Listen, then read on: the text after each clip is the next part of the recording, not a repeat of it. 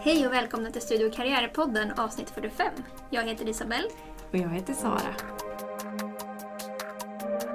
Och idag har vi två gäster, två studenter här. Välkomna hit. Det är Marta Lindén och Einar Lidén. Välkomna hit! Tack. Tack så mycket. Jag snubblar lite med tungan här. Ja.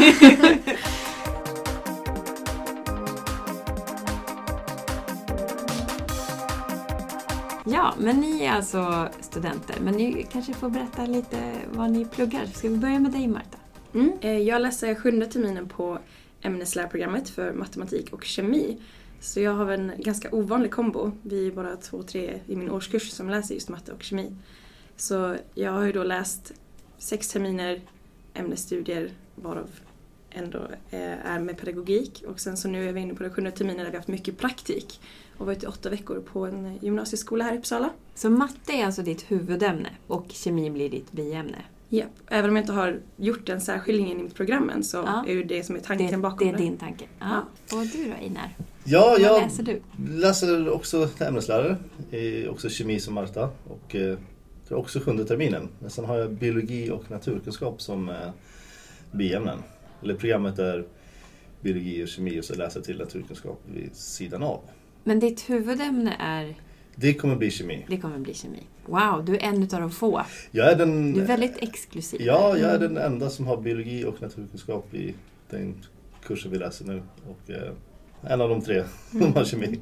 Man märker att folk är väldigt förvånade när man säger att vi är så få som läser det. Eh, Folk tycker att Uppsala borde vara ett så pass stort universitet att de samlar på sig fler. Mm. Men jag och min kursare vi säger att när vi åker utanför Uppsala, vi två, då är det ju klassresa. Vad underbart. Ja. Vad skönt. Det har bra, bra kontakt i klassen, bra sammanhållning. ja, man har ju en matteklass man läser med och sen har man en kemigrupp där Einar och jag läser ihop och sen har man även då pedagogikterminerna där alla ämneslärare kommer tillsammans. Så då får man ju tre olika klasser bara därigenom. Men sen får man även plugga med me- väldigt olika klasser när man läser ämnen. Som kemister, matematiker, jag läste med geologer och biologer. Jättemånga olika typer av ingenjörsklasser när vi läste matte. Man blir ganska bra på att nätverka som lärarstudent låter det som. Mm, det blir man absolut. Särskilt om man är lite extrovert och gillar att träffa nya människor. Då har man alla möjligheter att få en fot in på varje umgänge. Just det. Ja, men så, så, så, till det så har vi också en förening som försöker samla alla naturlärarstudenter som jag är ordförande i. Som vi försöker få ihop så att vi, för att vi är så få i många ämnen och kanske i sin, man kan vara ensam i sin årskurs och så. Försöker vi samla ihop oss och få träffa, träffa varandra och hitta på lite roliga grejer. Jo, Just även, även årskurserna just att det är Ja. bra för nya att träffa äldre och vice versa. Att man får hjälpa varandra att ta inspiration och motivation från Det är jättebra. Vi kanske ska säga vad föreningen heter. Ja, den är Lärnat Lärnat. som står för Lärarnas naturvetenskapliga förening. Ja, Mm. just det. Och det är då lärarnas representant på eh, här uppe på Ångström kan vi säga. För Uppsala studentkår har ju sektion lära som sin företrädare då för lärarstudenter. Och det är alla lärarstudenter då, även lågstadie och mellanstadielärare eh, och inte på ämneslärare. Men här uppe på Ångström så blir vi på något sätt representanter för ämneslärare som kommer hit och då lånas ut från blåsen Mm. hit för att göra sina ämnesstudier. Och för att kunna företrädas då på eh, den här kåren, Uppsala teknolog och naturvetarkår, då behöver man en egen sektion här som kan vara med i olika nämnder och Mm. beslut. Så är du också engagerad i Lärnat?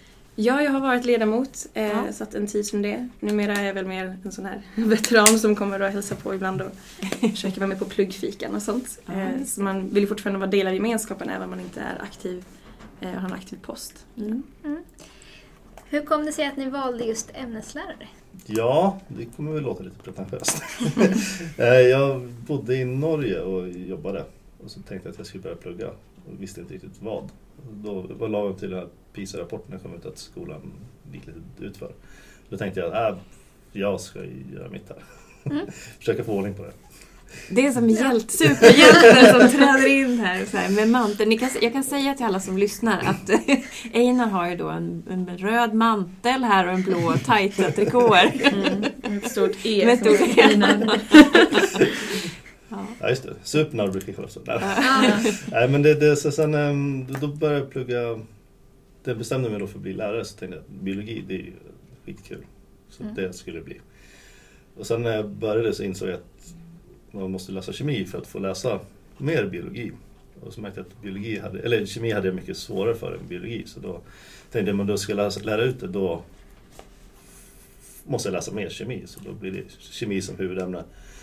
Och sen insåg jag att om man har kemi och biologi så krävs det ganska lite för att få behörighet i naturkunskap också. Så då försöker jag läsa in det vid sidan av. Så det gick av bara farten? Ja, men exakt. Du känner att du gör, tar ditt ansvar för samhället egentligen? Ja, jo men det, det, det, det, Ja, men det blir så. Jag det tror blir att nästan så. Det är ju, lärare är ju numera inte ett högt prestigeyrke där många söker sig till lärare för att man tycker det finns höga ambitioner i att bli lärare. Så var det kanske förr i tiden men nu har man ju märkt att det har inte samma status som tidigare vilket gör att de som faktiskt söker sig till lärarlinjen är människor som ser bort från det och tänker att men jag vill bli lärare, jag vet att jag skulle göra det bra och jag känner ändå en egen liksom, inneboende förverkligandekraft på Ja, något sätt. en egen stark drivkraft liksom att Precis. eh, vara med och påverka och förändra Mm. samhället. Ja, för det känner ju jag i alla fall att det var väl en av de stora anledningarna till att jag valde ämneslärarprogrammet. Jag kände att men, här kan jag göra skillnad, här kan jag göra någonting bra. Att jag skulle lämpa mig som lärare. Och även om jag märkte folk hemifrån vart förvånade och var så här, men skulle inte du bli ingenjör? Så känner man att nej, för att jag, man får ändå någon typ av kall kan man väl säga. Och det känns ju inte helt liksom, långsökt när man tänker på att det är inte ett yrke som man söker sig till om man inte verkligen vill bli lärare och känner att man hade gjort det bra. Det, det, mm, också så hörde man liksom att innan man började plugga att liksom lärarbristen är stor och sådär. Men man förstod inte hur illa det var och hur stor den var förrän man började plugga till lärare. Men man ser liksom att det är gigantisk brist och det är extremt få som börjar plugga till lärare. I, framförallt i kemi så är det ju, tror jag, som söker in som huvudämne som kemi som första ämne är det väl typ mellan en, eller 0 till 3 per år de senaste fyra åren. Så det är liksom, det är löjligt. Ja, för många jag har träffat på lärarprogrammet har också börjat efter att ha vikarierat själva på olika skolor, haft något typ av vikariat under tiden efter sitt eh, gymnasieår. Liksom sitt, gått ut gymnasiet, börjat vikariera och så har de känt att men, det här passar mig, det här, det här är kul. Men då är också bara frågan vilka ämnen har man fått vikariera till? Då kanske man har haft samhällskunskap eller språk eller något sånt ämne. Att kemi kanske inte är det närmsta valet för någon som precis gått ut Mm. gymnasieskolan. Tänker att kemilärare, det ska jag bli. Men eh, Ja. man märker att det är ett ganska intressant ämne att undervisa men väldigt komplext för det har ändå gått igenom en typ av skifte. Det är väldigt Alltså när jag gick i skolan var det väldigt mycket fokus på att man skulle lära sig mycket grundkunskaper. Och sen togs det vidare till en mer konceptuell nivå när man tänkte på samband och Mm. påverkningsfaktorer. Medan nu när vi pluggar kemi och kemididaktik då, som är hur man lär ut kemi, är det snarare utgå från ett koncept och försök sen plocka ner det till detaljnivå med detaljkunskaper. Så den omvändningen gör att man har lite möjlighet att definiera sig själv som kemilärare, vilken typ man ska bli. Eh, Så det är ju svårt men eh, spännande ämne Men nu berättar ju du att du kommer också ganska från, eh, nyligen från praktik, eller att du har gjort din VFU. Eh, hur, hur tänker du nu då? Har du, är du fortfarande nöjd med ditt val av lärar... Eh, alltså, och hur känns det liksom att ha fått jobba i praktiken? Det var väldigt krävande. Eh, jag var nästan inte beredd. Jag tänkte att det skulle vara svårt och utmanande. Om man hade en viss föreställning om hur det skulle liksom falla ut. Och sen kom man dit och det var helt annorlunda. Så det var väl snarare en förvåning blandad med riktig genuin uppskattning av eleverna. Alltså det var verkligen jättehärligt att få lära känna dem. Ehm, så jag skulle säga att det var fantastiskt. Alltså det var verkligen helt underbara åtta veckor på det sättet att man lärde sig extremt mycket på väldigt kort tid. Jämfört med annars när man har väldigt liksom ja, upprepande moment, man ska traggla kunskaper och öva och diskutera. Men här var det väldigt mycket på en dag, kunde du ha lärt dig så mycket nytt. Men det var också då väldigt krävande ju att processera allt det nya och samtidigt göra någon typ av självutvärdering varenda dag. Hur gick det idag? Hur var jag som lärare? Tyckte de att jag var begriplig eller var jag bara förvirrande? Har gjort det svårare för dem? Den tanken ställer man sig själv många gånger. Och så här, nu har jag gjort det här så mycket mer komplicerat än det är för dem. Den relationen till elever var ju viktig för sig själv att känna att eh, man ville verkligen hjälpa dem, man ville göra att de, får, att de förstår. Och om man upplever sig inte riktigt lyckas med det så tog det lite hårt på en i början. Man började kritisera sig själv lite och sen efter fem, sex veckor så började man landa i någon typ av ja, att man kunde känna av mer. Men fick du mycket feedback från din handledare under tiden så att du kunde vara lite mer eh, säker eller, eller var det liksom bara ett svart hål och du famlade Nej. runt? Nej, jag fick jättebra handledare verkligen, Ja. både i matte och kemi när jag undervisade. Eh, De var väldigt bra på att just gå på det här, men hur känns det och fick du med dig eleverna istället för att fokusera på detaljer i lektionens utförande. Så det var snarare ett helhets och framtidsperspektiv som de jobbade utifrån. Och den ena var väldigt mycket, liksom överlämnade saker åt mig att men du gör ett matteprov och sen kollar jag på det. Eh, Så då fick man jobba väldigt självständigt medan den andra var men vi gör ett kemiprov tillsammans. Eh, Så på de sättet fick jag testa olika typer av handledningsformer också och det, det gjorde ju att man också fick den här eh, känslan av att om jag skulle göra det här på egen hand på riktigt, hur skulle det se ut då? Mm. Och hur även skulle det här- du göra Ja, då? hur skulle jag göra? Men Mm. även också hur är det att jobba med en kollega? Alltså kollegial, kollegialt lärande som man kallar det. Att man försöker lära varandra att ha en äldre handledare som man försöker bolla idéer med. Och det fanns väldigt mycket vinster i båda arbetssätten. Så det var också väldigt utbildande att Mm. få två olika typer av handledare. Vad tycker du Einar om dina praktik? Ja, Du har, har du varit på en eller två jag har nu? varit på två. Ja, du har varit så att på jag två var, nu. precis som Marta var på Mm. praktik nu nyligen. Men eh, då eh, gjorde jag det i Visby. För att, eh, Ja, du har varit på Gotland. Ja men precis, för Gotlands högskola blev en del av Uppsala universitet så då kan man, får man göra praktik på Gotland om man eh, vill det. Så jag var på en liten eh, privatskola där. Eh, var väldigt intressant och det var väldigt, eh, väldigt stor skillnad mot den första praktiken jag hade där, som var på en gigantisk gymnasieskola i Enköping. Så att, eh, hade, blev, blev, lite, blev lite chockad när man kom dit första lektionen så hade man eh, fyra elever. Man, lektionen efter då var det en. det blev liksom, jag tänker liksom att små klasser är drömmen för lärare men när man har en lektion som en handledare så är själv, liksom, det blir väldigt eh, det blir väldigt intensivt för den här stackars eleven då som Ja, i, man, ibland känner man att man vill ju gömma sig lite grann under en lektion för att ja. ta det lite lugnt men han kunde inte slappna av någonstans och så var det ju tre timmars lektion. Så, Oj, stackars! Alltid på heta stolen. Ja, verkligen. men exakt. Så det, det, var, det, var, det var väldigt, väldigt kul och väldigt intressant. Och så hade han, den handledaren jag hade var, utgick mycket från eh, eleverna och tyckte det var väldigt viktigt vad de var intresserade av. Som exempel så hade vi en naturkunskapslektion, pratade om gelatin och hur det gjordes. Så var det någon som frågade, men finns det inte en ve- vegetarisk variant? Och så, vad är det? Och så började vi snacka om det.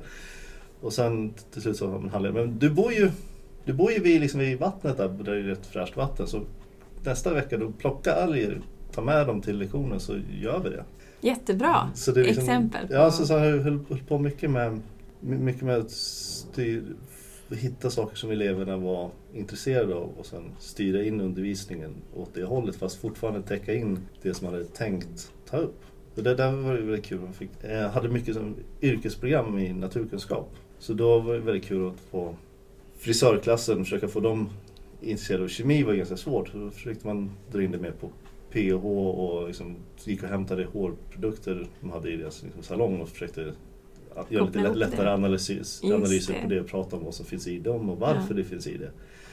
Och sen hotell och restaurang liksom, kom in mer på liksom, matkemi. Kökets... Ja men exakt, alla... Hur man gör en bearnaisesås. Ja, men, Det är den stora frågan i allas liv. Ja, eller hur? Hur, hur slår man en bra bea? Ja. Så att det, det, och liksom eh, estetelever liksom, vi snackar mycket om vad färg är, hur man liksom separerar lite olika färger från eh, liksom karamellfärg med så det var väldigt kul att då få, liksom, fick testa på, liksom, fick det området helt fritt och sen försöka anpassa in det på eh, respektive program. Det är precis det som eh, vi har pratat om mycket när vi har haft seminarier också med kemididaktik. Att försöka hitta någonting som finns förankrat i deras närmiljö och deras världsbild. Plocka in det i undervisningen och det är väl det många pedagoger pratar om när vi läser då i litteraturen nu på pedagogikterminen på Blåsenhus att många pedagoger förespråkar just att man utgår från deras världsbild. Hur ser Mm. de på kemi och finns det någonting som relaterar till deras intressen? Och det är väldigt svårt att liksom känna sina elever så väl att man kan plocka in saker men det här är ett väldigt bra sätt när man har yrkesprogram att man faktiskt kan koppla yrket till kemin. Mm. Mm. Det blev också ganska bra. Vi tog en exkursion i biologin med restaurangeleverna i närheten av skolan. Där det växte liksom timjan, eh, nypon och liksom, jag vet inte, Vilda växter helt Ja men enkelt väldigt mycket vilda växter som Mm. man använder i köket och som Ja. de liksom inte riktigt har kanske sett hur de ser ut. Som enbär och Just det. kommer inte ihåg alla men det var förvånansvärt många som växte på, din, på andra Mm. sidan parkeringen. Ja. Mm. Ja, Gotland måste ju vara väldigt bra ställe tänker jag för att odla örter. och- Ja, det, det, det, det, det växer bra Det där. växer bra. det växer bra. Ja. Ja.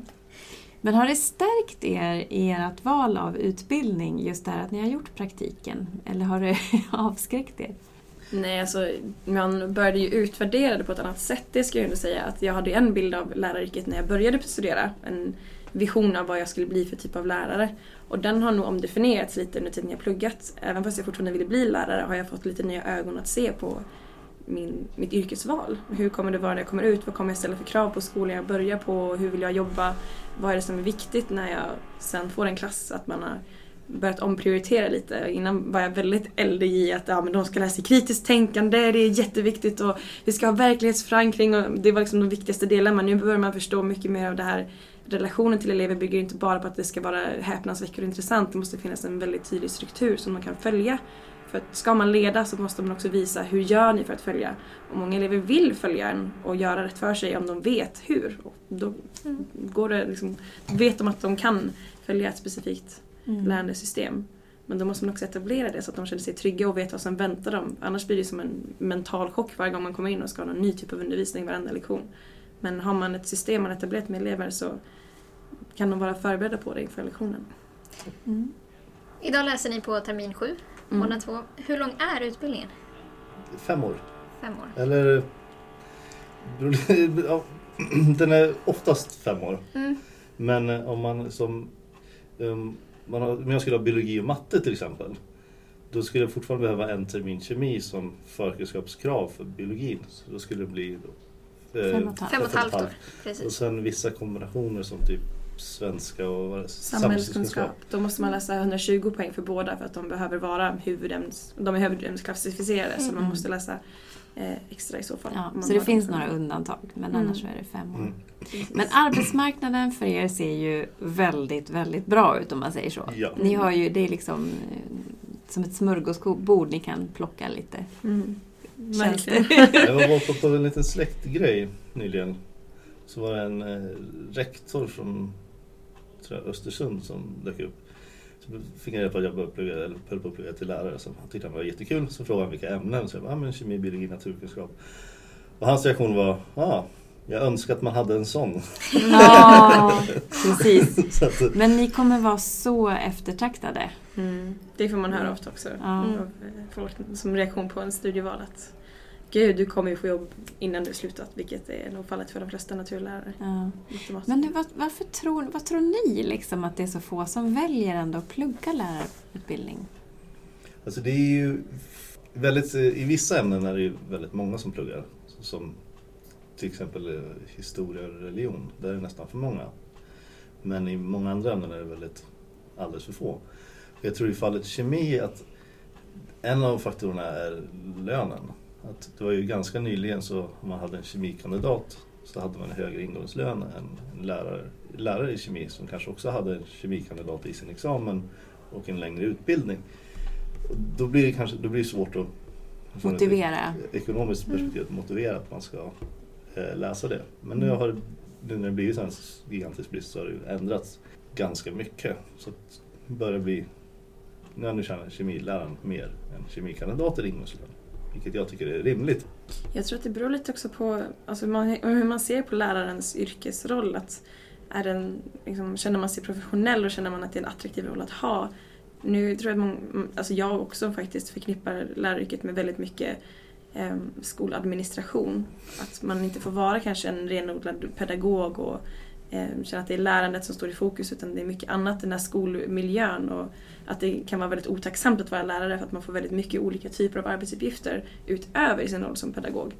Och då är det ju inte själva lärandet som är det som avskräcker folk men kanske det som tillkommer i att arbeta på en högstadie eller gymnasieskola. Mm. Och man ska även också ha intresse för ungdomar eller barn till att börja med och har man inte det så förstår jag också att man Ja, precis, man kan inte bara söka in med ämnes, alltså intresse för ämnena. Man måste även ha något utöver, liksom intresse för barn och den här Ja, pedagogiska Precis, rollen. man behöver ha ledarrollen Exakt, också. ledarskapet är ju en jättestor del. Och det blir ju lite tvärvetenskapligt på det sättet att pedagogik och ämneskunskaper ska på något sätt sammanfoga läraren. Och det har ju funnits sådana här eh, uttryck som att eh, de som kan de gör, de som inte kan lär ut. Men pedagoger har ju börjat vända på det istället och säga ja men de som förstår de gör det men de som verkligen känner ämnet kan lära ut det. Att det är en högre nivå att kunna lära ut än att bara utföra det. För Det ligger mycket i det tycker jag. Ja, jag tänker det med att procedur är ju någonting man lär sig och man kan vara expert inom sitt område och vara väldigt bra på procedurer. Men att få en bakgrundsförståelse som man sen kan vidareföra, det är en helt annan typ av Mm. eh, kunskap som jag blev ställd också för när man var ute på praktik och skulle förklara naturliga logaritmer. Jag kan räkna med det själv, ja, och sen förklara det nu för en gymnasieklass som aldrig hört det förut. Det var så här, ja, var börjar jag? och sätta in det i ett sammanhang, ett kontext liksom. Det är ju svårigheten. Mm. Hitta de där. Men sen, kan det vara värt att nämna också att det, man kan ju bli lärare utan att gå den här långa utbildningen som vi gör. Mm. Man kan ju också, om man redan har ämneskunskaperna så kan man gå ett, eh, en, ett, ett, ett och ett halvt års långt pro- program där man bara läser eh, pedagogik och har lite Just det, praktik. kompletterande utbildningen. Ja, exakt. KPU kallas det. Ja. Yes. Och då kan man ha bara ett ämne istället för två stycken som vi alltid behöver ha. Mm. Eh, Ett huvudämne, ett biämne. Men KPU kan man läsa om man bara har ett ämne, en kandidat inom något ämne som man sen vill då få lärarlicens för. Alltså det var så intressant och roligt att höra er beskriva. Tiden går så himla fort Ja. nämligen. Men det var väldigt, väldigt kul att ni ville komma och vara med. Och jag önskar er all lycka till i er fortsatta utbildning och sen även vidare när ni väl börjar jobba. Tack så mycket. Ja, Ja, tack. tack för att ni ville komma. Kul för att vi fick vara här. Ja, kul att vara med. Ja. Hej då! Hej då!